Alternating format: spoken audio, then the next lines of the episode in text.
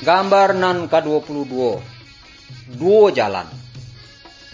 Tuhan Yesus mengatakan bahwa ada dua jalan, yaitu jalan nan lawe dan jalan nan sampi. Setiap orang jae inyu ala ado di jalan nan lawe. Jalan nan lawe ko menuju hukuman dalam neraka nan indak dape padam.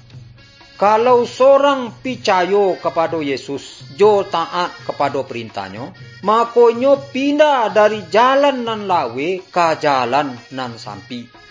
Jalan nan sampi menuju hidup basamo joala di sarugo. Namun tak saudara percaya kepada Tuhan Yesus dan berjalan di jalan nan sampi? Kalau saudara namu, katakan kepada Tuhan Yesus. Macam iko. Tuhan Yesus adan mengaku bahwa adan badoso. Adan percaya bahwa Tuhan Yesus mati di salib untuk menanggung hukuman doso-doso aden. Tuhan Yesus ampunilah aden dan ubahlah hidup aden. Aden namu tinggal bersama-sama jo Allah di sargo.